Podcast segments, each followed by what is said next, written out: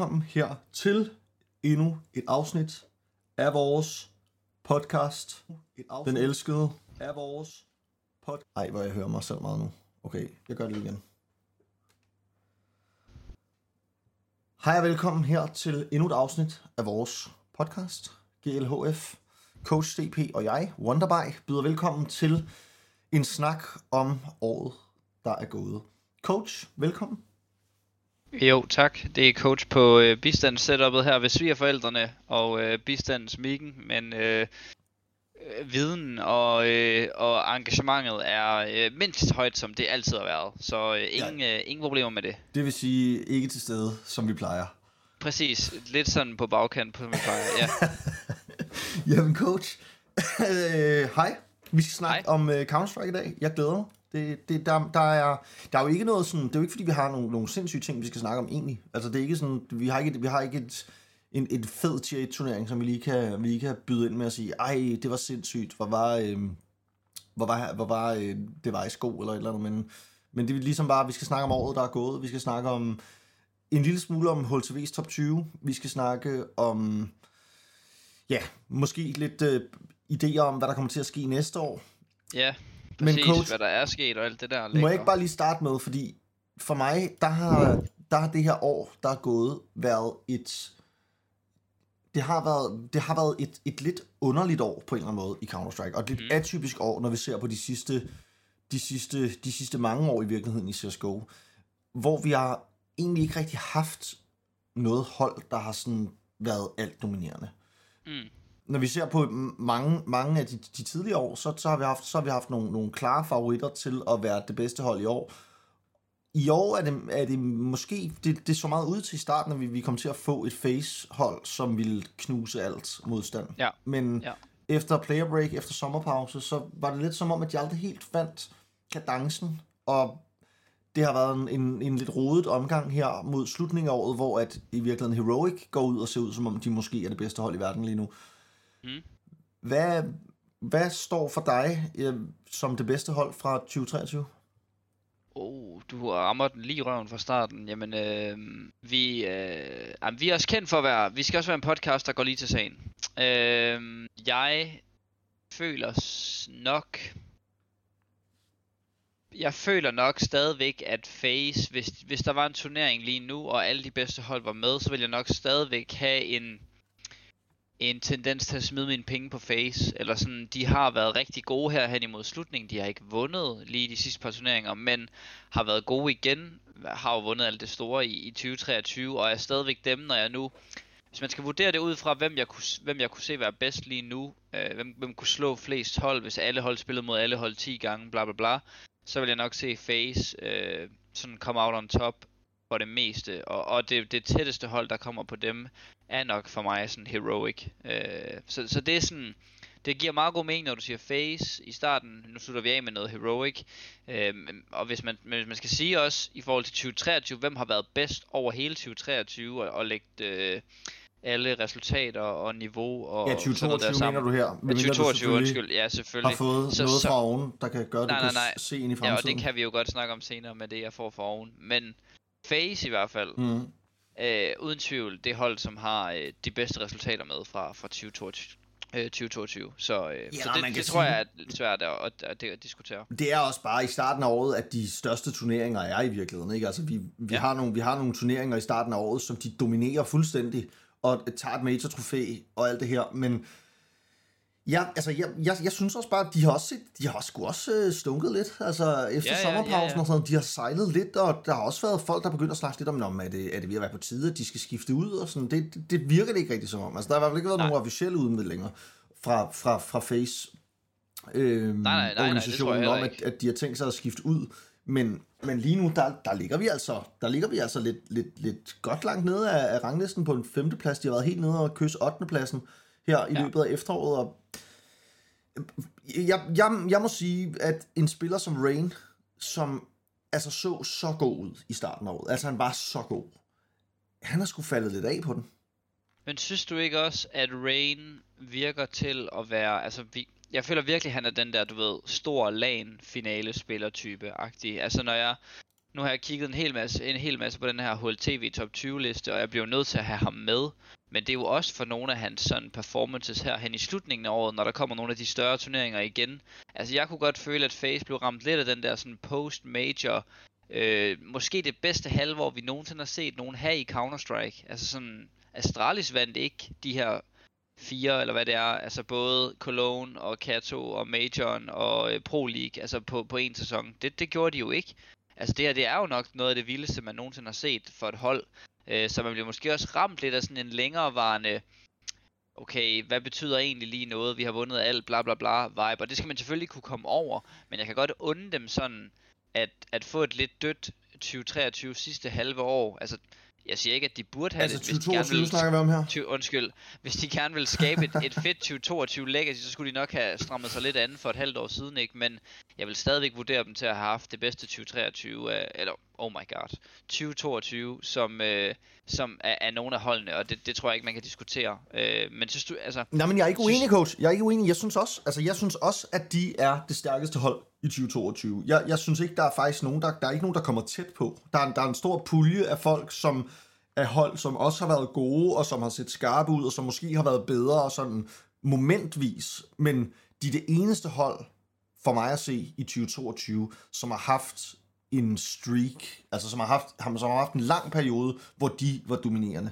Men ja. i foråret, der talte vi om face-æraen, altså den her sådan Carrigan-spillestilen, yes. kombineret med Robs og Brokey og Twists og Rain for den sags skyld, altså som ligesom ja. kom til at tage over, og der ville, alle hold ville få svært ved at spille mod dem, og alle hold havde virkelig, virkelig svært ved at spille mod dem. Altså i foråret, ja. det, det var svært at se nogen vinde over dem, altså fordi de ja. var så gode, at de var så gode. De... Og det var også det, det var også det, som, altså, det er derfor, vi sidder nu og er nødt til at tale om at være på en måde sådan lidt skuffet fordi at... Jeg er skuffet over Face, det er jeg totalt skuffet. Det, ja. på, på, på, ja. Her set på den lange bane er jeg totalt skuffet over dem. Altså det er jeg, fordi de så ud som om, at de vil blive alt dominerende, og det, det synes jeg bare ikke, de har været. Og Nej.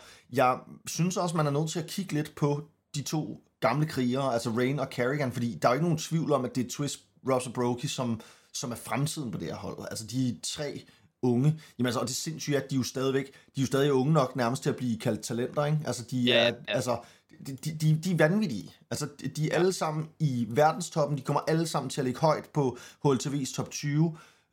De, altså, det er tre, det er tre vanvittige spillere, som vi ja. kommer til at se, hvis de gider have 10 gode år i sig endnu, alle sammen. Men Rain og Carrigan er jo nok i deres karrieres efterår i virkeligheden. Ikke? Altså, de, de, de nærmer sig nok... Altså, Rain skal være far.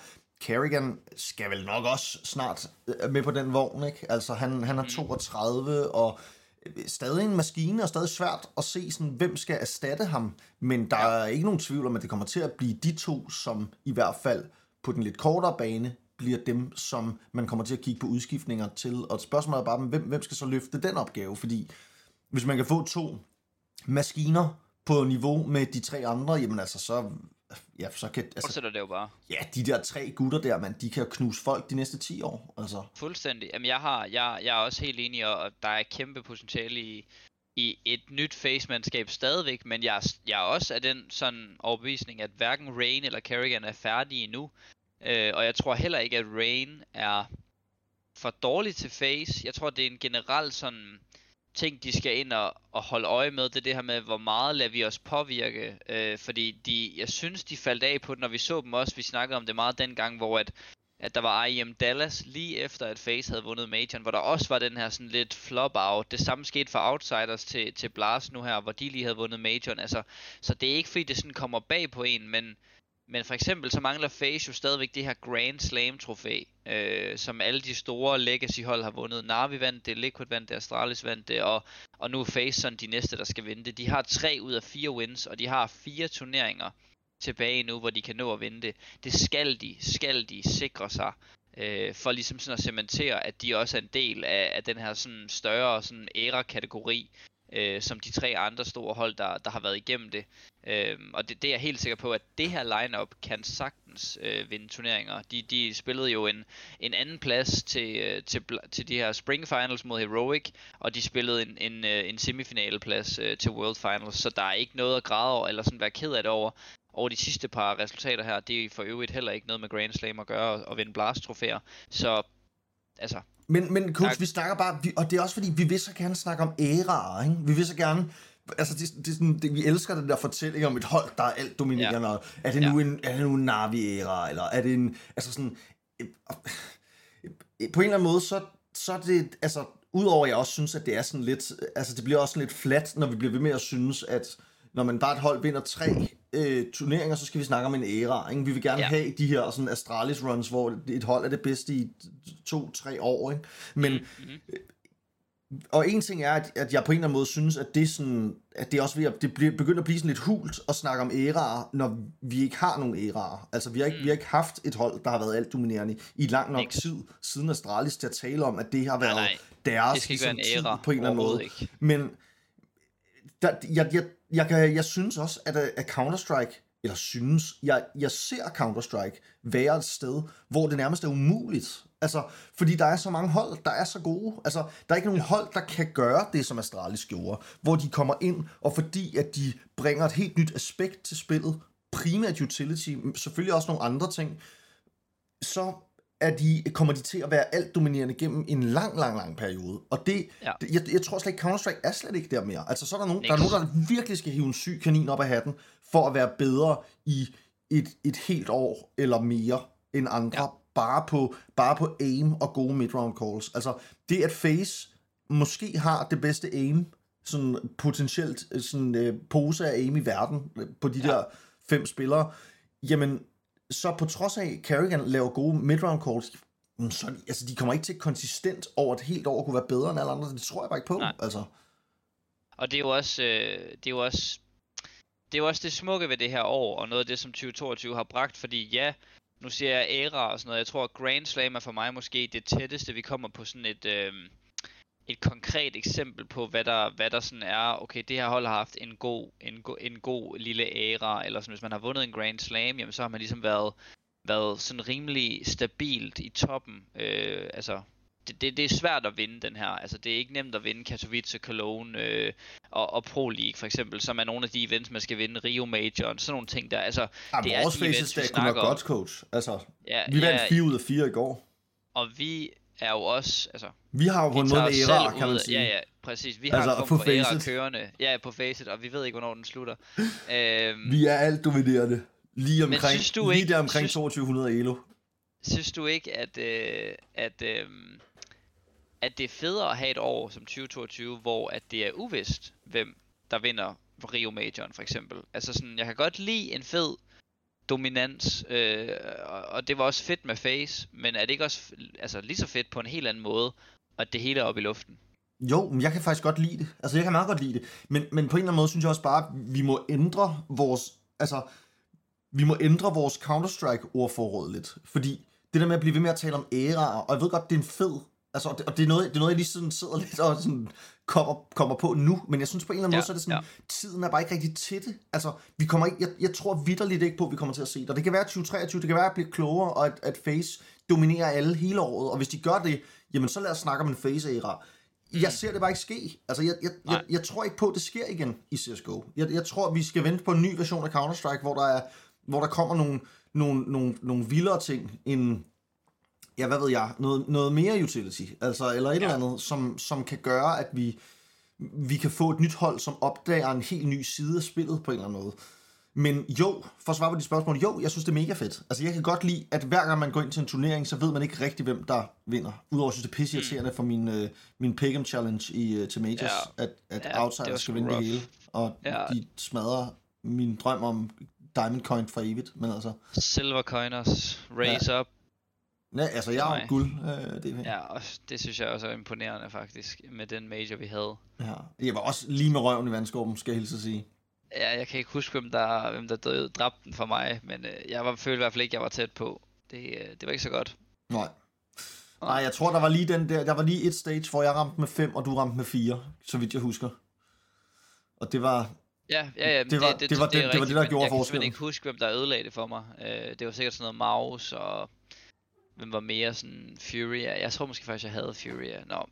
Det, altså, det må vi også lige få snakket om. Øh, fordi vi skal snakke lidt om... Altså, det er jo sådan en 22, 2022 recap øh, afsnit der, for der er jo ikke sket noget nyt siden sidst vi snakkede. Folk er selvfølgelig gået på pause øh, og der er ikke sådan rigtig noget at hive frem, så vi skal prøve at kigge en lille smule tilbage nu. Vi snakkede lidt om Face og, og året sådan øh, op fra set. Lad os tage det sidste halve år her, mm-hmm. fordi Face var stort dominant i det første, vandt alle de store turneringer, der var MVP's til højre og venstre til nogle af de øh, spillere, øh, og næsten alle sammen noget at vinde en Rain vandt en major MVP, kæmpe storyline for ham at komme tilbage til en major og, ja. og vinde og det er også, det, altså, ikke undskyld, jeg afbryder coach, men det er også bare sindssygt at tænke på, at vi, vi overvejer, om vi skal snakke om udskiftninger på face og peger på major MVP.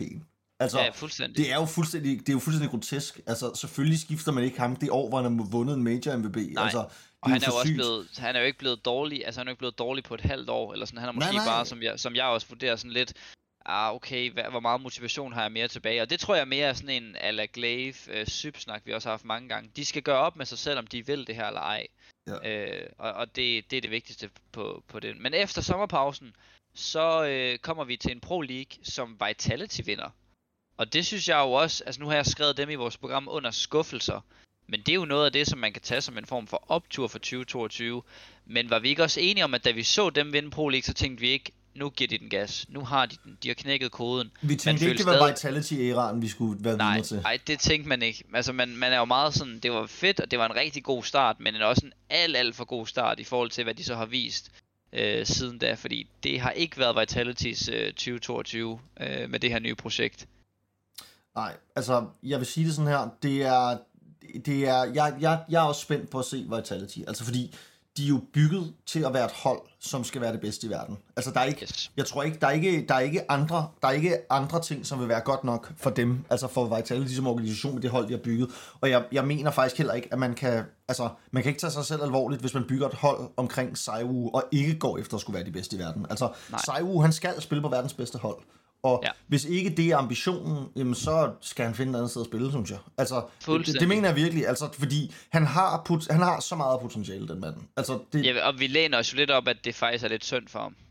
Ja, det er synd for ham, at han kun er verdens næstbedste. Fordi Jamen, ja, han, han men også det er synd for ham med det hold, han måske... Altså, ikke at spillerne er, er nødvendigvis er dårlige, men sådan, det han får af resultater med det hold, han spiller for, i forhold til, hvad han selv laver af output, det er jo på en eller anden ja. måde lidt synd for ham. Men altså, jeg kunne virkelig godt tænke mig at se dem prøve at skifte Apex. Altså, det, jeg gad virkelig godt ja. se, hvad der skete. Ja. Og det, det er ikke fordi, Apex er jo, altså, han har, han har leveret mange gode resultater i sin karriere. Men han er ringe, og, og han er stressende, og han er, kommunikationen er blæst, og jeg ved ikke, hvordan han nogensinde har kunne få et hold til at fungere, fordi det sejler jo. De comms, vi har hørt fra dem, det er jo på ingen måde roligt. Det bringer på ingen måde sådan... Øh, altså, vi snakker om tre major vindere, Spinks og Saiwu på det her hold. Og, og, og når jeg hører den major vinder i Apex, der har spillet i altså nærmest længst tid alle de her spillere, ikke øh, udover Dupree, han bringer jo kaos. Altså et sted, hvor der burde være orden. Altså der, hvordan, hvordan Saiwu nogensinde har kunne performe under det der, det fatter jeg ikke en brik af. Det er selvfølgelig fordi, det har været på fransk, så det er gået lidt hurtigere. Men, men der er, altså, han må være, hvis ikke Dupree eller Magisk, eller hvem det nu er, selv har lyst til at stoppe, hvis de har lyst til at fortsætte, så skal man kigge mod en ny indgame leader. Det, det, det, det kan jeg ikke være tvivl om. Jamen altså, jeg er fuldstændig enig, og jeg, jeg synes også, man burde se mod nogle af alle de danske kanoner, der er derude på scenen. Altså, det nu allerede, vi har en dansk coach, vi har, altså, hvis man bygger, hvis man bygger et, et hold op omkring øh, tre danske, en, en core på tre danskere, og så har Saiu og Saiwu og Spinks som de to øh, store kanoner, jamen så, så, så, så tror jeg, man, altså, så tror jeg man, man kunne komme rigtig langt. Altså, og personligt, så gad jeg da godt se dem kigge. Altså, Sotobati, han skriver i, i, i chatten, at man kunne overveje S-tag. Altså, vi har også talt lidt om Snappy. Altså, jeg, ja. jeg, jeg, ser, jeg ser gode muligheder og stort potentiale for, at hvis man får, finder en erstatning for Apex, altså, og også måske, altså, der, jeg, jeg ser også en mulighed for, at man bruger magisk som IGL for eksempel. Ja. Altså, det har ja. han tidligere haft succes med.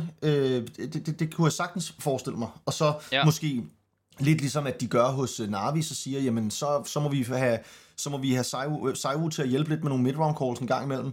Øh, hvis han har et play, han gerne vil lave, alt det her. Vi ved også, at han sætter, han sætter rigtig meget øh, tonen for mange af de der CT-runder, hvor han siger, jamen, jeg gør lige det her. Altså, og så gør han bare det. Altså, det, det, ja. det, det har de brug for, at han altså, gør der, der er også spillere, som, vi kan, som måske ikke bliver nævnt så obvious, men som jeg gerne lige vil fremhæve. Der er manden med den største mund på den Counter-Strike-scene, Siwi fra Gamer Legion for eksempel. Altså jeg ved godt, at han er 20 år gammel, og er det en IGL, man kan hive ind og sådan noget. Men altså der er spillere derude som ham, man kunne også nævne Refresh, vil heller ikke være helt øh, sådan godnat at nævne. Øh, jeg, jeg siger ikke, at at de skal komme ind og vinde majoren, men da Astralis jo Glaive ind, der var Glaive jo ikke den legende, han er nu, skal man tænke på. Og det var altså det, der gjorde det for dem, og de vandt efterfølgende fire majors med ham. Så man er også nødt til at kigge lidt ud og se, hvem er der derude. Og Siri har haft et rigtig godt år med Gamer Legion med et, altså med et middelmodigt hold, har han jo bragt dem op i en top 20, hvilket jo er super imponerende. Han har haft nogle gode majors. Altså Akor har været god, men når vi har set ham til de allerstørste turneringer, så har han også haft en masse turneringer, hvor han ikke har performet særlig godt. Altså Siri ligger med en 1-0-1 rating, og I gælder et, et hold, der ikke sådan på nogen måde vinder alt, de rører ved. Altså det, det er udmærket, øh, sådan, hvis man bare kigger rent på, på statsene, så der er muligheder derude. Øh, det vil der altid være. Men, øh, men jeg, jeg synes også Apex godt, man kunne kigge er, efter en, som ikke nødvendigvis var IGL. Altså, ja. man, kunne, man kunne godt bare kigge efter endnu, endnu en bomber af en rifler. Og så sige, ja. jamen så må de løse de der IGL-ting. Altså, jeg, jeg tænker da, hvorfor, hvorfor kan, hvorfor kan du Dupree og Magisk ikke uh, IGL? Altså, de, de, har, de har så meget erfaring. De må have så meget at byde ind med, både mid-round og øh, tidligt. Altså, så, og så finde en eller anden øh, FPL-bomber mere, altså ja. som Spinks og de, nogle af de andre talenter der. Men, men en pointe, jeg synes, der er vigtigt at nævne i forhold til IGL, det er, at det kræver, synes jeg, måske over, sådan lidt, sådan lidt, ved jeg ikke, om det er overraskende eller kontroversielt at sige, men mere af den der grind, end det kræver at være rifleren. Altså sådan, hvis at Dupree og Magisk allerede nu er sådan lidt, vi kan ikke bruge mere end 60-70 timer altså på Counter-Strike i de her, altså du ved sådan 30 timer om ugen, fuldtidsarbejde på Counter-Strike-agtigt, ja. så tror jeg ikke, de har det, der skal til for at være IGL, fordi nu der er man simpelthen nødt til at se nogle demoer, man er nødt til at følge med, man er nødt til at være sokt inde på at forstå metaen og kende alle de nye tricks, og, altså, yeah. og det tror jeg bare ikke, at, at Magisk og Dupree er, det ved jeg ikke, om de er motiveret til. Hvis de er det, jo, så ser jeg gerne Magisk som værende IGL. Er de ikke det, så vil jeg hellere have en ind, hvor, som lever og ånder for at være IGL, og bare synes, det er det fedeste i hele verden, og bare vil sådan, altså, så ind på det. Men, fordi men coach, jeg tror, så, er vi magisk... tilbage, så er vi jo tilbage til snakken om, at, at at jamen, hvis man ikke er, hvis man ikke er, hvis man ikke er sucked ind, så ja. bliver man bare aldrig verdens bedste hold. Altså det mener jeg virkelig. Nej, nej. Man bliver det gør ikke... man ikke, men Dupree og Magisk behøver sikkert være... Jeg tror ikke, de behøver at være så sucked ind, hvis de har Spinks og Saivu en rigtig god IGL. Så tror jeg godt, Magisk kan være den tredje star rifler, mens han ligger og spiller 30-40 timer om ugen. Øh, og, og Dupree kan være bidrage med nogle af de ting, han kan bidrage med. Han behøver sikkert ikke med store stats. Altså så er der en, en verden, hvor de kan være gode nok til at vinde en major. Men, men nej, altså som udgangspunkt vil jeg også synes, at der skulle noget mere grind til måske, men, men jeg synes i hvert fald ikke, at løsningen er at hive en, altså lave en, en, en af de spillere om, der er erfarne om til EGL, fordi det kommer til at påvirke holdet i en negativ retning, hvis at en, en sådan lidt halv, måske, ja, altså sådan en spiller, der i hvert fald er i sit, sin karrieres efterår, skal, skal ligge i gæld, fordi jeg snakkede med, øh, måske ikke overhovedet af den samme øh, kaliber, men Notan, for eksempel, øh, som jo er en spiller, der har været nærmest et talent i øh, syv år, og har spillet øh, stand inden for Astralis, og har et eller andet 15.000 timer og sådan noget. Han siger jo også til mig, jeg kan ikke spille mere end 60-70 timer, altså øh, per to uger, fordi altså, det, det, altså, det giver ikke mening for mig at ligge og øve mit aim, fordi jeg har 16.000 timer, jeg skal selvfølgelig holde mig varm, men jeg skal ikke sådan, jeg, jeg, jeg skal ikke udvide mit aim sådan, øh, hvad kan man sige, kapaciteter, fordi jeg har ramt mit mekaniske maksimum. Øh, altså sådan, der er også nogle ting, hvor der hedder, at giver det måske mening at spille 100 timer om ugen, når man har øh, 18.000 timer. Ikke nødvendigvis. Øh, så, så der er også sådan en anden vinkel på det, hvor at, at måske kan Magisk og Dupree godt være med, selvom at de ikke spiller lige så meget som de andre. Men ja, man skal ja, have men nogen, altså, og det var jo også, grinder. det var der også noget af det, som, altså nu ved jeg godt, vi har talt rigtig meget de sidste par øh, podcasts om, at metaen er meget sådan lige nu, at det er bare de største maskiner, der vinder. Altså, og, og at det, men i virkeligheden var det jo det, som Astralis flyttede.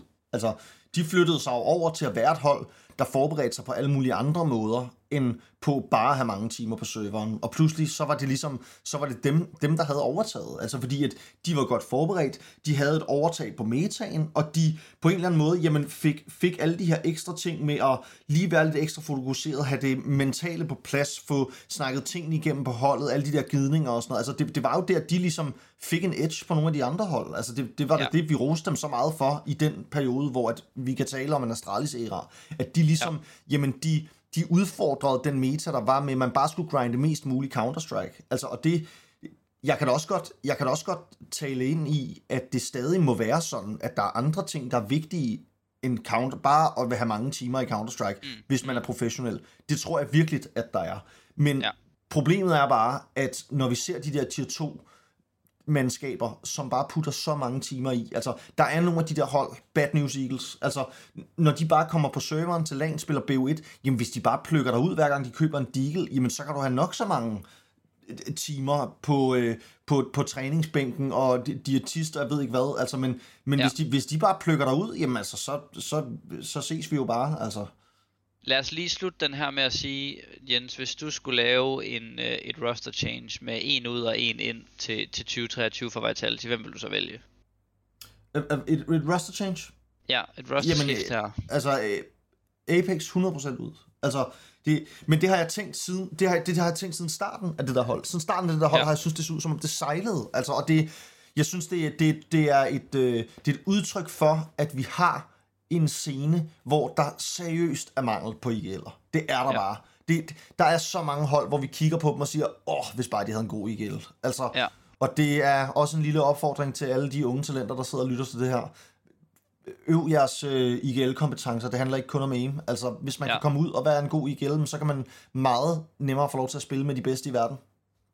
Ja, det så tror du er ret i. Helt klart, Apex ud, Øh, altså, jeg kunne jo godt tænke mig at se, jeg ved ikke, om det nogensinde kommer til at ske, men altså, jeg kunne godt tænke mig at se Apex ud snart igen.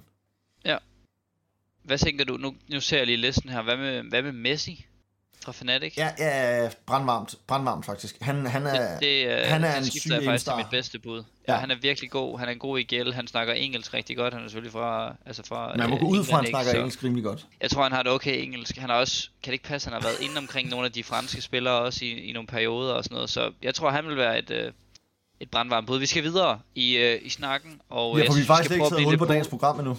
Nej, vi skal blive lidt positive nu, fordi jeg har skrevet nogle eksempler ned på, hvad der var, hvad der var positive ting fra 2022, og så håber jeg, at du kan lade din hjerne gå kreativt ud over det. Øh, for jeg har ikke lavet sådan en masse kategorier for, hvad der var positivt. Øh, jeg har bare skrevet, hvad var vi glade for at se.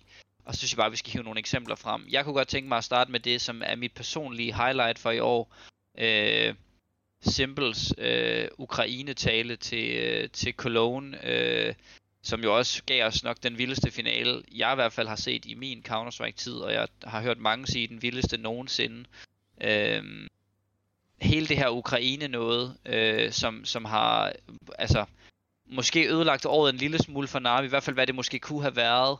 Øh, Simple, verdens bedste spiller, nok også ham, der bliver kåret til verdens bedste spiller i år.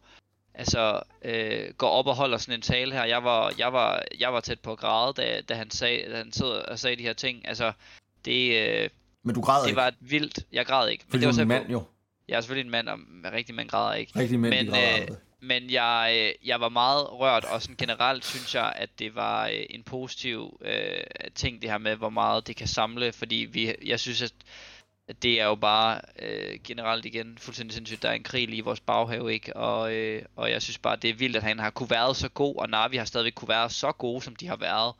Øh, på trods af, at, at der søst er krig i deres hjemland, hvor deres familie bor, og hvor de måske selv har boet, og de pludselig bor simpelt på hoteller, og altså, det er bare, det taler bare om, hvor vild han er, men også bare, at han er et forbillede, altså et kæmpe forbillede for scenen, hvor han måske engang har været det modsatte, så er han virkelig vokset til at være altså et ansigt, jeg gerne vil have udad til for, for mit spil. Ja, han var jo sådan en Counter-Strike som var terrible på en eller anden måde, ikke? da han kom frem. Altså, han var sådan en, som, som alle ligesom elskede. Han var sådan en, der altid lavede ballade, og altid, øh, altid var i vælten, og nu har han udviklet sig til at være den her voksne mand, der taler om, øh, om krig og følelser mm. og sådan noget. Jamen, ja, jeg, jeg, jeg, det var vildt. Det var også vildt for mig. Altså, det var, jeg tror også, det var måske det sidste søm i kisten for, for mit vedkommende for at sige, at okay, Simple, han er, han er det her forbillede. Altså, han er, og the goat. Synes, altså. Ja, han er, han er vild. Altså, det er vildt. Ja. Og det er... Og selvom du siger, at det er jo selvfølgelig en positiv ting, så er det jo også... Jeg synes virkelig også, at det er, det er trist, at vi kigger på, hvad der måske kunne... Og nu ved jeg godt, at jeg sidder og snakker om, nu skal vi snakke om æraer. Men altså, hvad der måske kunne have været Navis tid. Altså, Navis tid som de ultimativt bedste som på en eller anden måde er blevet ødelagt af det der. Altså, mm. alt, alle de her gnidninger også med Boomage, og det der med, at de skulle flytte fra Rusland, og at der, ja. der var så mange problemer forbundet med det der.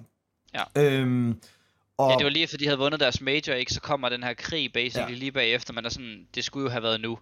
Det var det. Det var der, det var jo på en eller anden måde. Og nu, nu har de, ja. de har så svært ved at finde den der femte mand, som skal passe ind. Og, og tiden går bare. Altså, ja. og, og tiden taler ikke nødvendigvis til, til Navis fordel i den her, i den her forbindelse. Jeg ved godt, at, at Simple jo stadig har masser af år i sig, hvis han vil.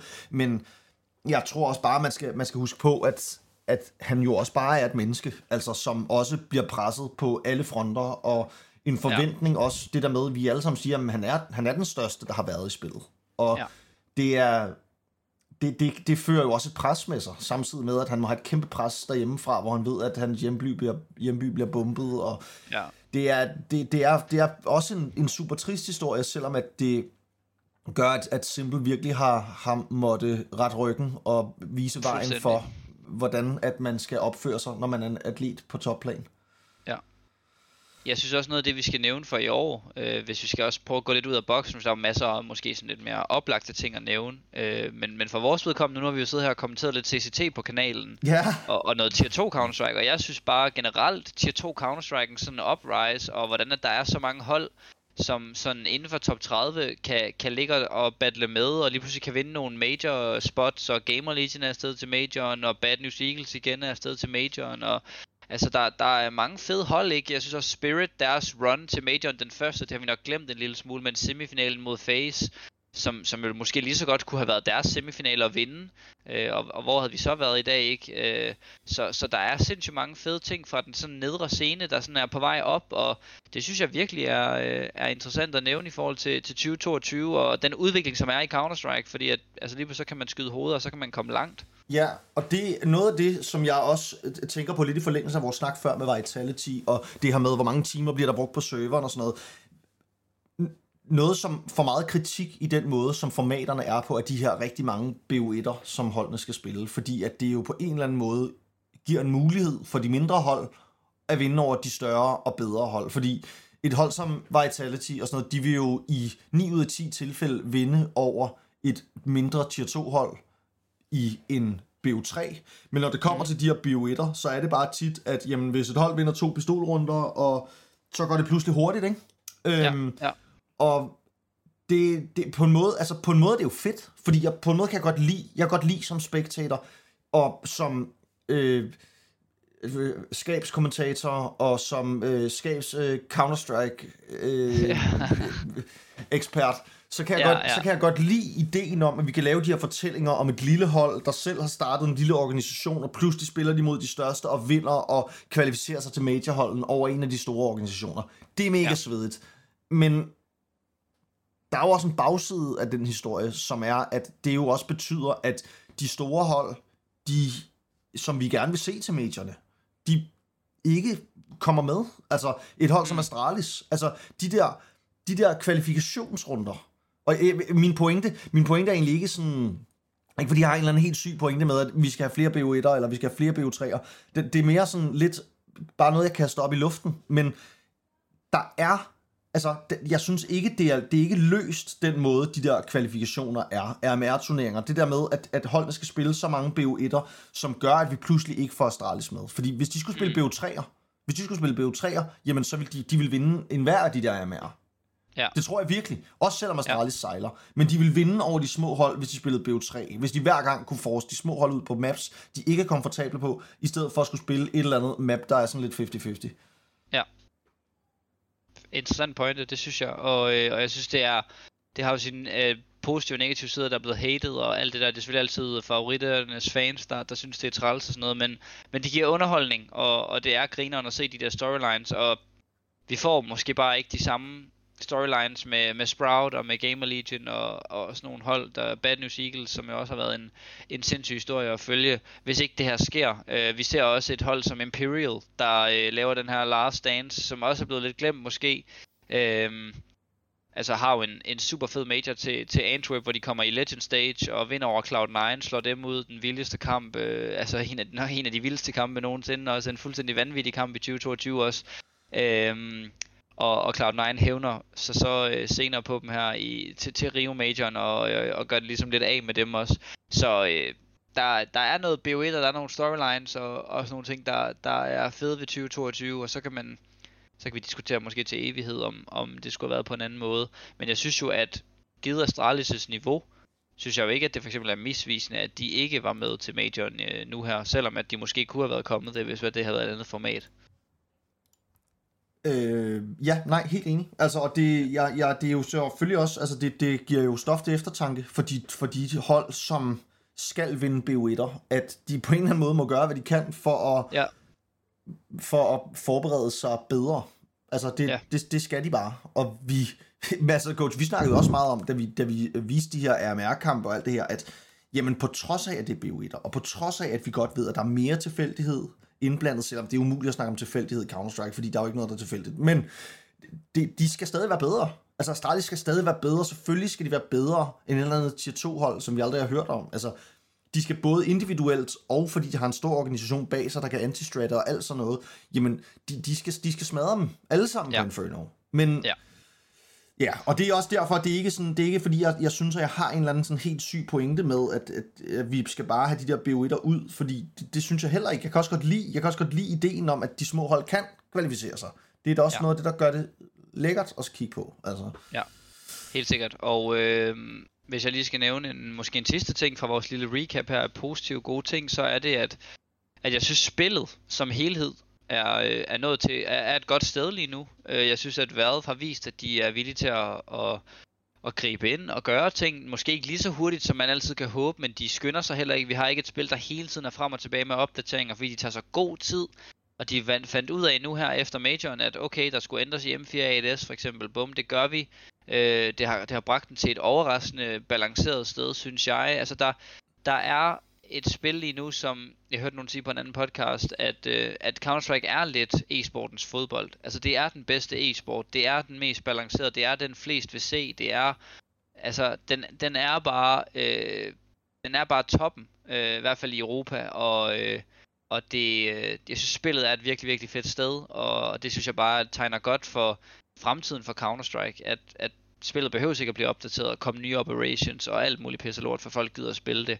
Hvor at, øh, det er måske tilfældet med mange andre spil, at hvert år skal der være noget helt nyt, noget groundbreaking. Men Counter-Strike har jo bare været i bund og grund det samme ja, de sidste 5-10 år. Men hvis jeg, hvis jeg lige skal kigge, og det er ikke for at være lyseslukker, men hvis jeg skal sige noget, Nej. som jeg ikke synes er optimalt i Counter-Strike lige nu, ja. så er det vores map pool. Altså jeg synes, jeg synes ikke, at vores map pool er den bedste map pool, vi har haft. Jeg, jeg, jeg, jeg synes, at det, at vi både har altså Ancient, som er et forholdsvis nyt map, som jeg mhm. faktisk mm. stadig jeg, jeg, jeg synes stadig, at Ancient er et ret mangelfuldt map på mange ja. punkter. Altså, det er, det er ikke et særligt, det er ikke et særligt revolutionerende map, det er et meget sådan endimensionelt map.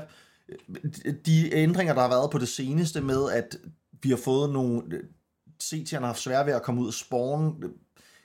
Jeg, jeg synes ikke nødvendigvis, at det er, det er et map, som er der endnu, på en eller anden måde. Øhm, jeg, jeg vil sige, øh, det er måske en, øh, hvis vi skal tale om, at, at øh, Nuke og Inferno og nogle af de her map er 10 ud af 10, jamen så er Ancient måske 8 ud af 10, altså, eller mm. 7 ud af 10. Mm. Hvor jeg ja. godt kunne tænke mig, at vi, altså jeg savner lidt, jeg savner lidt Train, faktisk. Og det, det siger jeg som en mand, der aldrig har været særlig god på Train, og aldrig ja. virkelig elsket at spille Train. Men ja. jeg, jeg savner, jeg savner nogle af, nogle af de lidt, nogle, nogle af de gamle maps, det gør jeg sgu. Altså, ja. jeg, jeg kunne godt også der, men nu har vi fået Anubis til. Jeg er jo kæmpe tilhænger Jeg siger jo altid, lad os få nogle flere, lad os få nogle flere, lad os få nogle flere updates. Altså, ja. Men, men vi har Vertigo i, vi har Ancient i, vi har, jeg synes, vi har nogle maps, så har vi fået et helt nyt map i Anubis, som jeg faktisk har ret store forventninger til. Jeg synes, som udgangspunkt, det er godt, som udgangspunkt, det er et godt map, men ja. jeg synes ikke, mappoolen er på sit bedste. Det synes jeg sgu ikke. Nej. Altså, Nej. Og, jeg, og det siger jeg primært, fordi jeg ved, at det tager sikkert et år, før vi får et nyt map. Altså, ja hvis nu det var sådan, at der var, der var nyt map to gange om året, jamen så, så vil jeg have det fint nok med det. Altså så vil jeg have det fint ja. nok med, at mappoolen ikke altid er på sit højeste. Men når, når Valve er så sløve til at skifte ud i vores maps, jamen så, ja. går, det for, så går det sgu for langsomt, når vi ja, har for en... så tænker man, at, at grunden til, at man skulle skifte langsomt ud, skulle være fordi, at man faktisk er i gang med at lede efter en perfekt mappool, og ikke Præcis. fordi man gerne vil skabe rotation. Præcis. Øh, for jeg er helt enig i det, du siger, både med Ancient, altså jeg synes jo Vertigo er et, er et også et, et, et rigtig skraldemap, og det jeg vurderer en mappool ud fra, er jo også hvor tit sidder jeg og tænker, yes, en fed BO3, jeg vil gerne se alle tre maps. Altså så snart Vertigo bliver valgt, så har jeg bare lyst til at, at skip, skip den. Øh, Øh, og, og det er jo så, hvad, hvad man synes, der er dårligt og så videre, men vi kan godt blive enige om, at der er maps, som ikke er lige så gode som de andre, og vi kunne godt tænke os at have Måske kan man aldrig ringe, ramme, at sådan, man føler, at alle syv maps er lige fede, men hvis man kunne føle, at 6, 6 eller i hvert fald, i hvert fald 5, men 6 ville være optimalt, at banerne var sådan nogle, dem vil vi alle sammen gerne se, øh, så synes jeg, det ville være et godt sted. Jeg synes både Train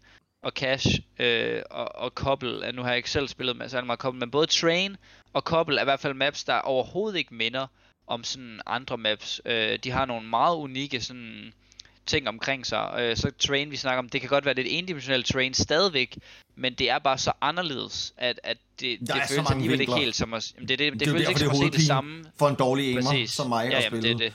Åh, ja. kæft mand, hvor skal man clear mange vinkler, altså. Jamen det er det. Det er, det, det er lidt specielt, at kommunikationen skal være sindssygt god og sådan noget. Så, så jeg synes, at Train er, Han er, er også et spændende map. Det var ja. det klassikeren jo. så bliver man skudt ja, i ryggen. Eller hvis man bare begynder at læse et eller andet sted. Altså det er jo sådan en, en v 1 clutch, det er jo bare en ren 50-50. Fuldstændig. Ja. Og, altså. det, og det har også sine udfordringer, Train. Jeg synes heller ikke, Train er et 10 ud af 10 map. Men jeg synes, Nej. at den map pool, vi har lige nu, er en lille smule mangelfuld. Og jeg, jeg ønsker virkelig stadig, at... Og det siger jeg specielt som spectator. Jeg ved godt, prosen, de vil helt sikkert sige noget andet i hvert fald dem, der er på vej ind i en æra, at vi ikke skal have en ja. udskiftning efter hver major, men, ja. men lad os nu bare lige få en udskiftning for helvede efter hver major, sådan så vi kan ja. få noget rotation, så vi kan få noget nyt. Det er da så fedt at se de nye maps. Jeg elsker at se ja. Anubis, mand. Jeg vil gerne se ja. Cobblestone igen. Nogle af dem, der har nogle af dem, der har erfaring på mappet, nogle af de helt gamle krigere, som vi kunne byde ind med noget, som nogle af de yngre spillere jo nærmest sikkert aldrig rigtig har spillet Cobblestone. Ja. Det, det, det kunne være sjovt, altså. Øhm, men øh, nok, nok om det. Coach, vi skal videre. Og vi skal ja, snakke om Heroic. Lige, jeg, synes ikke, jeg, jeg synes ikke, vi skal... Fordi nu ser, nu ser jeg lige vores program her, kan komme med, med et lille take her. Jeg synes, vi skal gemme snakken om 2023, fordi vi har jo podcasts, altså flere podcasts, inden at, at turneringen, altså sæsonen går i gang. Så jeg vil hellere, at vi har god tid til at snakke om 2023, vi... end at vi måske lige skal skynde os igennem ja, det nu. Jeg er helt enig. Og så kunne vi hoppe videre til det her HLTV Top 20, som jo er sådan, det skal vi nå nu, ellers så når vi det ikke. Det og så kunne vi kigge lidt på det, og så kan vi sige, det var det for i dag. Hvad tænker du om det? Jeg synes, det er en god idé. Jeg synes, det er en god Fedt. idé. Lad os gøre det. Jeg HLTV har jo lavet en liste til det her HLTV Top 20, som jeg synes, vi skal hive frem, bare lige for at sige, at det her, det er den mest nørdede, jeg har virkelig brugt, altså, jeg har i hvert fald brugt øh, tre, tre timer måske, eller sådan noget, på at lave den her liste. Jeg har lagt den ind i vores stok, så du kan åbne den. Øh, hvis, hvis man kan hive den frem. Du Fordi kan også det er min, min forsøg... men den er, den er lidt anderledes. Der er kun to ja, spillere på. Ja, det er ikke sådan, og det er ja, to fra Falcons, nej. Jeg har tre spillere øh, på min. Latic, det, Latic mi- øh, Simple og øh, selvfølgelig den, eks, den elskede Soulfly. Og hvem er, hvem er øverst af de tre? Det er selvfølgelig Simple, han er GOAT. Okay, ja okay, fair. Godt nok, jeg skal bare lige... Øhm, Nej, jeg har jo lavet min liste ud fra at prøve at predikte den her konkurrence, der er med at predikte, hvem kommer til at blive nummer 1 til 20. Øh, vurderet af million ting, faktorer ind, store events, øh, MVP's, EVP's, øh, selvfølgelig også bare rå stats, og hvem gjorde det bedst, når det var nødvendigt, og hvem faldt igennem, når holdet var i en vigtig finale, og alle sådan nogle ting der. Prøvede virkelig at nørde det ned. Jeg vil sige, at min top 10 er den, jeg har brugt mest tid på, og derefter så har jeg selvfølgelig skruet lidt ned. Det, men, men jeg synes, den er rimelig rimelig skarp. Øh, og så synes jeg, vi skal lave en, der måske er lidt mere frit, så hvor det måske ikke handler om at lave en, øh, en der skal vinde konkurrencen, men bare for sådan at give en lidt mere løs bud på, hvem synes vi egentlig har været, altså måske nogle outstanding spillere i, i, 20, i, 2022. Men altså, lad os, lad os bare lige, lad os også bare lige sige, at det, det har jo ikke noget impact, om det er en, han laver et vigtigt play i en vigtig finale. Det har jo ikke noget impact på top 20. Øh, nej, ikke et vigtigt altså, play, men for eksempel hvis man spiller en rigtig dårlig BO3 i en vigtig finale, så trækker ja, det ret meget, så trækker det ned det for, rigtigt. for HLTV. Men, men et, et sygt clutch, som afgør nej, ja, en finale, nej, nej, det, det tæller det, intet. Altså, det, det betyder ingenting. Og det, og det er jo på en måde det, altså, det er jo det menneskelige aspekt, som jeg altid synes mangler lidt på HLTV's ja. top 20. Fordi jeg kan ja. godt lide HLTV's top 20, men det er kun stats. Altså, vi taler kun om stats til de store events, og det ja. siger selvfølgelig meget, men det siger bare ikke alt.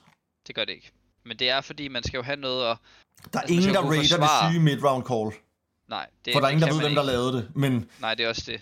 Men det, men det er bare det, jeg siger. Altså, og der er ingen, der, der, er ingen, der raider, at du laver en, en syg 1 ved 4 over, at du bare har fået fire, fire økobamser. Det, det er der ikke rigtig nogen, der gør. Der er lidt stats til at, ligesom at, og sådan, der er den her impact rating og sådan noget, men den, men den er super svær, og, øh, og jeg synes også, vi har jo også haft en, en lang øh, stat omkring Blame F for eksempel, som får rigtig mange økofrags og sådan noget, og han har jo stadigvæk en rigtig høj impact rating, så det er ikke alting, man kan stole på, men jeg kunne også se sidste år for eksempel, at Robs kom over Twists, eller også var det omvendt, på trods af, at, at den, der lå nederst af de to, havde en, en 0-10 rating højere end den anden. Øh, bare som et eksempel på, at, at der er meget, der spiller ind, som ikke er sådan rå stats. Der er også, hvornår man gør det, og altså alle de der ting der. Så jeg synes, den, den er okay, men øh, ja, den har selvfølgelig mangler. Det, det er der ingen tvivl om. Ja, men coach, lad os komme i gang. Førstepladsen, ja. ingen tvivl, vel? Nej. Simpel over alle andre. 100%. Altså, andenpladsen, må jeg sige, at der kan heller ikke være meget tvivl. Saiwu. Saiwu over alle andre, undtagen simpel. Og så synes jeg egentlig heller ikke, der kan være sådan super meget tvivl om tredjepladsen. Øh, har, du, har du Shiro dernede? Jeg har Shiro på, ja. min, på min tredje plads. Jamen, det, øh, det vil jeg også umiddelbart sige. Altså, han har også latterlige, latterlige, ja, en latterlig år, et latterligt år. Jamen, han er faktisk fuldstændig sindssyg i hovedet. Altså, ja. han, er, han, er, han er Counter-Strikens... Øh, hvis jeg er Counter-Strikens far, så er han Counter-Strikens fremtid.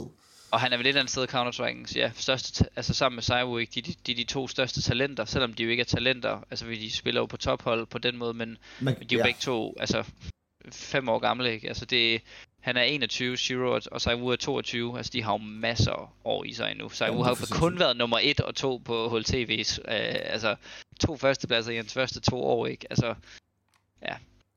Lad os komme videre. Lad os ja, komme videre. lad os komme videre. Så det er ligesom 1, 2, 3, og det, øh, der må jeg, der må jeg sige, at det, det, det, no doubt. Der synes jeg ikke, der synes jeg ikke man, kan, man, kan, man kan være så meget i tvivl. De næste Nej. pladser, coach, som du jo også har brugt meget tid på at sætte, der, ja. der er vi lidt et sted, hvor jeg tror ikke, der er stort. Jeg tror, der er mange, der vil sige, jamen den, den top 10, som du har lavet, tror jeg, der er mange, der også vil sætte, men måske en lidt anden rækkefølge. Mm. Fortæl mig om Ja, det. altså, jeg, jeg, jeg vil sige, at at min den hedder Exile Nico her som, som fjerde og femte, og jeg tror, jeg synes egentlig, at, at man kan godt stille spørgsmålstegn ved for eksempel Nico, og det kan man jo af den grund, at han før han vandt den her turnering nu her, ikke har vundet noget, og heller ikke har sådan lignet gamle Nico og været den bedste og dominerende. Men på trods af, at han har fået et hold omkring sig, der virkelig performer, Hunter, Monesi, øh, der, der spiller rigtig godt, og på trods af, at de ikke rigtig har vundet noget, så har han bare altså sådan unreal, øh, unreal stats, og det er sådan, det betyder ikke alt, når vi snakker, hvem vi bedst kan lide, og hvem vi synes er bedst, men det betyder rigtig meget for listen. Øhm, jeg men, synes, men for folk, skal... der ikke kan se den her, som bare sidder og lytter, kan du så ikke bare lige fortæl din top 10? Bare lige nævn navnene på din jo, top 10. Jo, det kan, jo, det kan jeg godt. Uh, vi har Exile på fjerdepladsen. Vi har Nico på femtepladsen. Så har vi Jekindar. Den er jeg lidt i tvivl om. Den er jeg stadigvæk ikke helt landet på endnu. Men, men han er i min top 10. Han er nummer 6 lige nu. Brokey er nummer 7.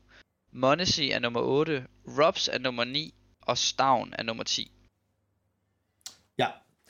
Det, øh, ja. Jamen det, det, det synes jeg, øh, det, det, det er spændende. Altså, og det, er, det, det, der, det der er lidt, lidt spændende for mig her, ja. som ikke har lavet den her øh, top, top 10, det er, at du faktisk har to G2-spillere, som mm. har, altså G2 har jo, altså ja, de har nogle, de har nogle vanvittige talenter, men de har jo ikke været sådan, de har ikke været super flashy i det her år. Nej, altså, nej de har med hiv og sving vundet det enkelt trofæ, ikke? Altså, ja. men, og, og ellers så har de, de har godt nok haft mange skuffende runs. Altså, ja. kommer ikke til major. Øh, altså, der, der, er så, der er så mange historier om det her G2-hold, som, som ikke har præsteret, som folk forventede. Omvendt ja. har du kun en enkelt Navi-spiller i Simple. Jamen, det er rigtigt, og jeg har også kun, altså jeg har også Navi, eller bid på nummer 20, men ellers ikke nogen Navi-spillere. Men det er jo også fordi, at Navi jo heller ikke rigtig har, altså vundet det helt store i, i 2022. De har vundet noget Blast, og, og det plejer de nærmest at gøre hvert år som gang 10, ikke? Men, men der er jo også bare, fordi der er mange af deres spillere, der simpelthen er faldet igennem. Altså, øh, altså Electronic plejer jo at være en, en garanteret top 8. Øh, det er han selvfølgelig, mm. det er han jo ikke i år. Han er blevet IGL. Navi har ikke været lige så gode. Øh, Perfecto er jo blevet en spiller, der, der har sindssygt meget impact på det her hold, men det er bare svært at se nogle gange på statsene, og, og derfor er det svært for mig at forsvare, at han skal op og ligge i en top 20, også fordi Navi jo har haft det svært. Hvis nu de havde været et klart top 1 hold, jamen så havde Perfecto og Electronic jo også hørt med i den her top 20, men det har de jo bare ikke været. Og der kan man jo igen snakke om den her de her omstændigheder, der er omkring dem. Øhm, jeg synes, at grunden til, at jeg godt kan have G2 spillere på en, på en top 10, hvor, selvom de ikke rigtig har vundet noget, det er jo af samme årsag, at jeg har Shiro og, og Saiwu og Yekindar. Altså, øh, Saiwu har vundet Pro League, øh, Shiro og Exile, de har vundet IEM Dallas og øh, Funspark Ulti eller et eller andet, men, men ellers ikke. ja. De har selvfølgelig været med omkring toppen, ikke? men de har jo stadigvæk ikke vundet noget, men, men den impact, de har, den betydning, de har for de, de sejre, de så får, og de finaler, de kommer i og sådan noget. Altså Nico er, er med i uh, Katowice-finalen sammen med Monesi i starten af året, taber til Face, det er så hvad det er, taber 3-0. Det var en meget mere tæt kamp, end det, det ligner på papiret. Og så vinder de Blast her til sidst. Altså det er stadigvæk to resultater i løbet af 2022, der kan forsvare en top 10 placering. Og hvis vi lige kigger på din top 20 her, nu, øh, mm. nu synes jeg, vi skal gå lidt dybere i den. Hvad, hvem, er, hvem er for dig den, den største overraskelse på din top 20 her? Fordi altså, når jeg sidder og kigger på den, så kigger jeg jo mm. blandt andet lidt til nogle af de her outsiders-spillere, ja. fordi ja. at jeg jo ser Outsiders Major-sejren som måske den største overraskelse, vi har haft i 2022. Altså ja. fuldstændig sindssygt, at Outsiders går hen og vinder en Major. Altså det, det havde ingen... Jeg, jeg gad godt have spillet 100 kroner på Outsiders til at vinde en Major. Det, det, ja. det er der ingen, der havde regnet med. Og, og pludselig har vi så to spillere fra Outsiders i den her top 20 hos dig at, at de ikke, de må da være, de må da være i hvert fald udfordrere ja, til ja. at, at jeg tage tror, jeg, de største Man kan vel ikke sige så meget andet, end at Flit må være den største overraskelse på den her top 20. Altså jeg tror, alle andre spillere på den her top 20 har været der før. Uh, Flit er den eneste, det eneste nye navn. Han er en af de eneste, der ikke var der sidste år. Altså sådan, der er mange af dem her, der er genganger fra, fra min top 20 her. Uh, Caserato, Yuri, begge to Bit, Frozen Rain, Twist. Jeg tror ikke Rain måske var der sidste år, men Twist, Robs, Øh, Rain er måske også et godt bud på en, på en overraskende mand. Han er jo omringet af, af, altså, af dygtige spillere. Robs, Twist og Brokey kunne måske godt have vurderet i starten over til at være dem, der, der nok skulle klare det selv-agtigt. Så går en Rain ind og vinder en major MVP og sådan nogle ting. Så han er også et, et, godt, et godt bud på en, på en overrasker. Men ellers så vil jeg nok sige Flit. Ja, Jamen, øh, jamen enig. Fordi James er jo en stat, en stat king, ikke? Eller sådan, han, har, han har også været der flere gange, og, og plejer jo også at være der. Øh, men Flit, som er den her udskifter for, for Jekindar, altså det er jo, det er jo ret blæst, at han altså i hans første år på, for, for Outsiders og for tier 1 sådan for alvor, efter han kom fra Force, altså, ikke? Altså kommer på top 20. Syg, han er. Ja, ja. Det er Men virkelig... Fame kunne jo også have været der. Altså hvis Fame ikke var kommet så sent til, så kunne han også godt have været en top 20 spiller. Han har virkelig også gode stats. Det er bare kun et halvt år, han har haft i tier 8, og det kan man nok ikke helt rigtig forsvare. Ja, og noget af det, som jeg også lige må komplementere ved din top 20 her, det er, at og det, det, det, det synes jeg er, er rigtig godt, og at jeg ikke helt er sikker på placeringerne af dem, det er noget andet, men at du har mm. alle fire stjerner fra Face, altså Broken, ja. Robs, Rain og Twists. Når man tænker på det run, som de havde i foråret, som vi jo ikke skal glemme, på trods af, at vi har sagt, at de faldet lidt af på den her hen mod ja. efteråret, så er der ingen tvivl om, at de fire spillere, de må være at finde i den her top 20. Ja. Om og jeg overvejer også at køre Brokey op på en 6. plads. Altså sådan, han har været så god. Han har været deres, deres bedste performer. Han har haft nogle sindssyge major, eller undskyld, MVP-titler. Øh, vinder, vinder også en MVP her i slutningen af året til altså, den her sejr Heroic her i København. Der bliver han MVP. Øh, så, så der er også, altså, der er en verden, hvor jeg gerne vil skubbe dem højere op. Øh, men, men må også bare vurdere, at, at Kinder har en impact rating på et eller andet 1,35 eller sådan noget mod top 5 hold og mod top 10 hold. Altså, han, han, han, er, han er også bare så sindssyg, at jeg har svært ved at tage ham ned fra den 6. plads der. Det, det er sindssygt svært at, at køre rundt med. Jeg, jeg flyttede Stavn op i går. Jeg havde ham på 11. og havde faktisk Blame op i noget 7-8 stykker. Men jeg har vurderet, at, at den måde Blame har fået sin stats på, må trække en lille smule ned i forhold til Stavn, der har været consistent mod nogle af de bedste hold øh, hele året, og, og selvfølgelig også øh, vinder sit trofæ her til sidst. Ja, og man kan også sige, at nogle af de hold, som Blame har fået sine stats imod, er også ja. stats, som ligger meget under de hold, som nogle af de andre spillere spiller mod. Fordi men når man kigger på hans stats ikke... mod de bedste, ja, ja, så, så er de stadig vanvittige. Yes. Ja. Men, men det er bare for at sige, at på den her, vi skal ikke glemme, at Astralis har spillet mod mange dårlige hold i det her år også. Ja. Og det er altså også et sted, hvor man kan hente nogle økobamser, ikke? Skal jeg lige smide, nu har jeg jo nævnt min top 10. Smid lige link i chatten. Smide, øh, jeg smider lige link i chatten, og så kan vi også lige, skal jeg ikke lige nævne, bare lige for dem, der lytter med derude, fra 11 til 20 her. Jo, kom øh, Stavn på 10. som vi nævnte, så har vi Blame F. På 11. Caserato, Rain, Frozen, Twists, Hunter, Jame, Flit, Yuri og Bit til sidst. Ja. Så det er, det er top 20. Og, og hvis man og kiggede igen... på starten af året, så havde ja. jeg jo troet, at vi ville have både Bit og Perfecto på det her ja. lineup. Electronic også. Electronic også, for den sags skyld. Altså ja, det, at, det, at du kun har en enkelt Navi-spiller ud over Simple, jeg synes det giver god mening. Jeg tror godt, at vi kunne finde en, en Perfecto højt også, oppe, også når vi, når vi kigger på hans... Altså, han må ligge lige uden for den ja. her top 20. Altså, Some valuable mentions, ja. Ja, han, han må ligge på en, uh, i top 25 måske. Altså, der, der er nogle af de spillere, som, som må være meget, meget tæt på. Øhm, ja. Men, øhm, altså, fordi, fordi han også bare... Og det, det, han er måske en af de spillere, som jeg vil bringe ind som sådan en...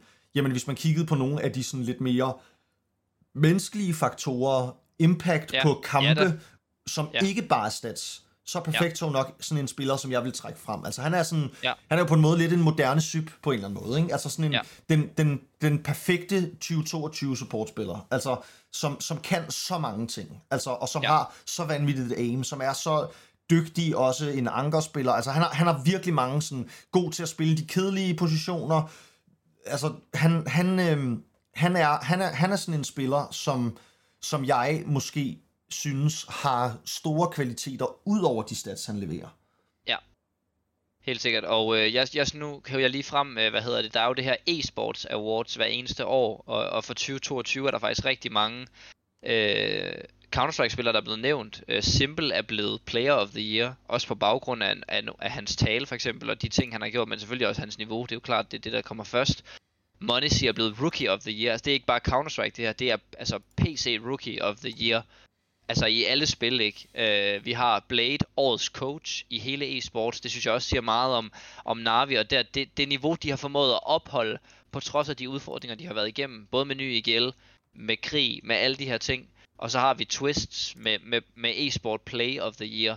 Altså i alle plays, der er blevet lavet hele året i alle e-sports øh, titler, så har får han Play of the Year med hans øh, flyvende over gate øh, ned i, i Cologne-finalen, i, i også en af de vildeste finaler øh, nogensinde. Så der, der er virkelig Counter-Strike på menuen i år for, for e-sport generelt. Der har været nogle store ting, og, øh, og Simple, der vinder e-sports Player of the Year, han skal jo også være nummer et i år. Det, det kan der ikke være nogen tvivl om. Øh, også bare for det menneskelige synspunkt, at han kan holde det niveau, han kan holde, det giver ingen mening. Jamen, han er så vild. Altså, han er så vild. Han er jo han er jo sådan en Counter-Strike-robot på en måde, ikke? føler man. Ja. Altså, det har, man, det har man altid følt, og nu har han ligesom vist, han at han er også en Counter-Strike-robot med, med følelser, eller sådan som... Ja, han, ja, ja. det er det. Zero er robotten, ikke? Axel ja. er robotten, Jamen, det er men. Simple, han er, han er, jeg ved ikke, hvad han er, guden, ikke? Jo, han er vild. Han er så vild.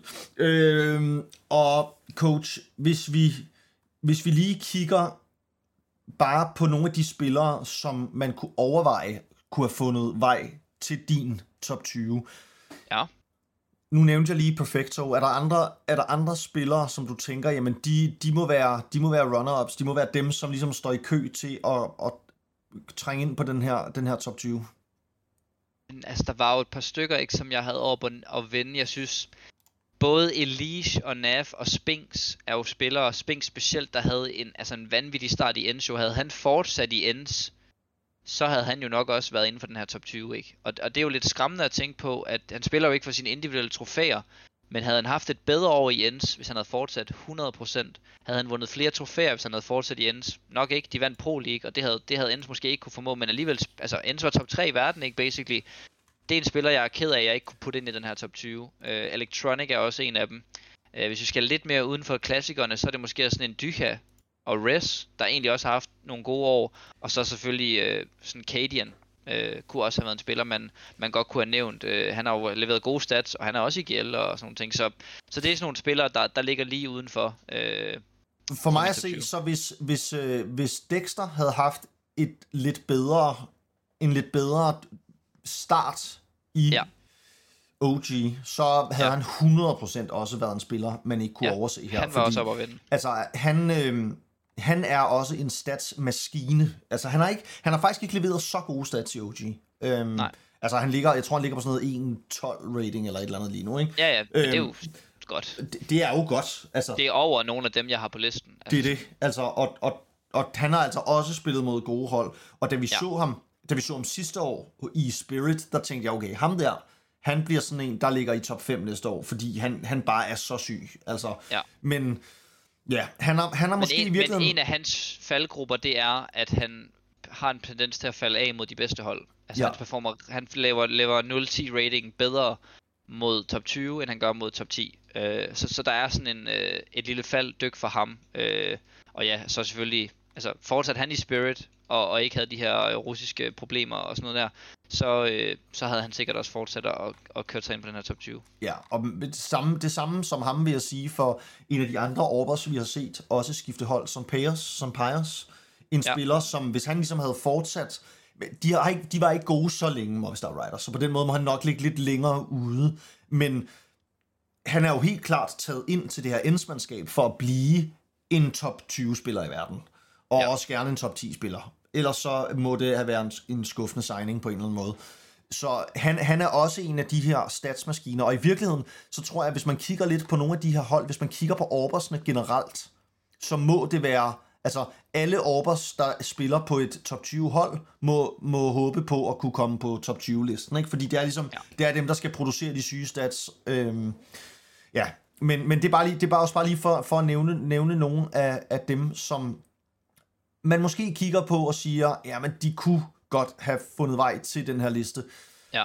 men gør det nok ikke. Altså, jeg, jeg Nej, tror nej, heller det er ikke, vi kommer det. til at se hverken Son, Son Pius eller, eller Dexter på den her top 20-liste. Jeg, jeg tror, Altså ligger- Røg, Røg er jo også et bud på Præcis, en mand, der, der leverer sindssygt, sindssygt gode stats i år, ikke? og har en, en, et godt år med Flames, og nu med Fnatic. Øh, spiller måske ikke helt nok af de største kampe til at være der. Øh, det samme med sådan en som Santaris, han er den fjerde best rated spiller i, af alle i det her, altså i, i 2022, ikke? Men, men har bare ikke nok kvalitetskampe og, og til at, sådan at forsvare det. Men de er jo begge to der år bag, og skal ikke spille øh, mange flere store turneringer, før at, at de stats, de, de har, lige pludselig ser fuldstændig vanvittige ud. Øhm, så, så det er også to spillere, man godt kunne nævne. Ja, og noget, hvis, hvis jeg bare lige sådan her på falderæbet må sige noget, som, mm. som jeg kigger lidt på, på din top 20 her, og som jeg egentlig også synes giver god mening, det er, at du ikke har ret mange heroic-spillere, som lige nu ligger på top, altså på, nummer et, som nummer et på HLTV's rankings.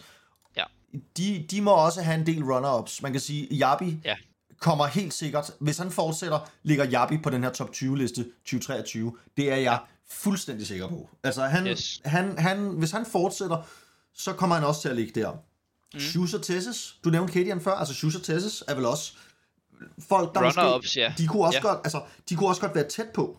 Ja, men de har bare begge to øh, en spillestil og nogle positioner på banen også, der, der gør, at det er svært for dem. Øh, Cadian synes jeg er det bedste bud sammen med Jabi, fordi Cadian har Orben. Han har generelt også en tendens til at spille rigtig godt øh, med Orben. Øh, har, har, har været i en total opadgående kurve, øh, og, jeg, og det må jeg bare tage hatten af, for jeg har været meget imponeret. Øh, jeg vil ønske, at jeg kunne have sat ham i min top 20. Det synes jeg ikke helt, han har til, men han skal ikke øh, skrue mere end 2-3% mere på, før at, øh, at han er øh, et, et, et taleemne til en top 20 næste år. Nej. Nej, og det er, det er spændende, og altså Stavn jo også et emne, der er spændende. Altså han, øh, vi har faktisk slet ikke rigtig fået snakket om det her med, at han jo faktisk er lige har taget en, en lille pause. Øh, mm. der er ikke, jeg, jeg tror ikke rigtigt, der er noget officielt meldt ud, andet Nej. end en lille smule burnout her mod slutningen af året, hvilket selvfølgelig også giver god mening, når man skal ja, spille i verdenstoppen øh, ja. Som, en, som en ung mand. Øh, Stavn, ja, stadig også, øh, stadig også helt sikkert en, en mand, der er at finde, hvis han kan fortsætte i top 20 næste år også. Han, øh, han ser vanvittig ud. Men coach, jeg tænker, vi måske bare skal til at runde af her for i dag. Ja. Vi har været, vi har været vidt omkring. Vi, vi har både talt, øh, ja, vi har talt lidt om det hele, synes jeg.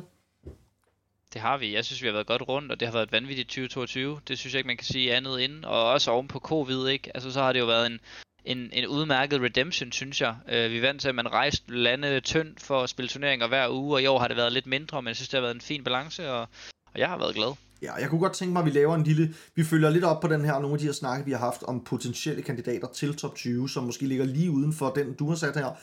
Ja. Øhm, I starten af, af 2023, hvor vi følger lidt op.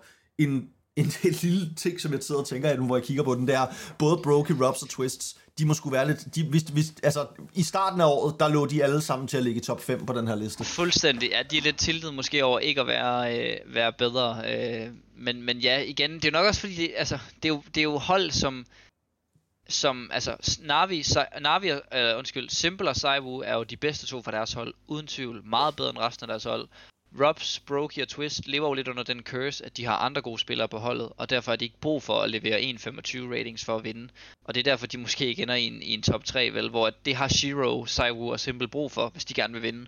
Så, så det er jo sådan lidt en, ja, altså der hvor at HLTV-listen måske også fejler lidt, er, at man gad jo godt at se de spillere, som havde mest impact på at vinde de største turneringer, som for eksempel Device havde i, 20, i 2018, ikke, hvor han ikke blev nummer 1, det kunne jeg jo godt tænke mig at se være meget mere tyngdevækkende for, for den her liste, fordi det er jo det, der betyder noget. Det er jo, hvem der vinder trofæer. Man skal jo ikke herliggøre spillere for at være de bedste, hvis de ikke kan vinde noget, synes jeg. Nej, og det, men, det er der, hvor jeg men synes, det listen er lidt skæv. Jeg er enig, altså, og det, det er en kritik, som jeg synes, at vi snakker om nærmest hvert år, når den her liste Ja. kommer. Det er sådan, altså som jeg også nævnte før, så en spiller som Perfecto, jeg synes, en spiller som, som Perfecto, han er så vigtig. Altså han er så vigtig ja. for det der Navi-mandskab, men, men er jo ikke en mand, der leverer syge stats. Og det, det er måske der, vi, vi mangler lidt. Men coach, Ja. ja. vanvittigt 2022. Ja. Vi glæder os til 2023. Vi glæder os Ja, til tak. at lave øh, flere podcasts, og I må endelig byde ind både med, med ris og ros, og husk, at I kan lytte til den her podcast på jeres yndlings podcast platform, enten på Apple, Google eller Spotify. Der er ikke mere at sige for i år, coach. Det var det. Godt nytår i morgen. Pas på jer selv. Husk øh, aldrig gå tilbage til en fuser. Come on. Det er det, jeg har at sige. Tak for nu.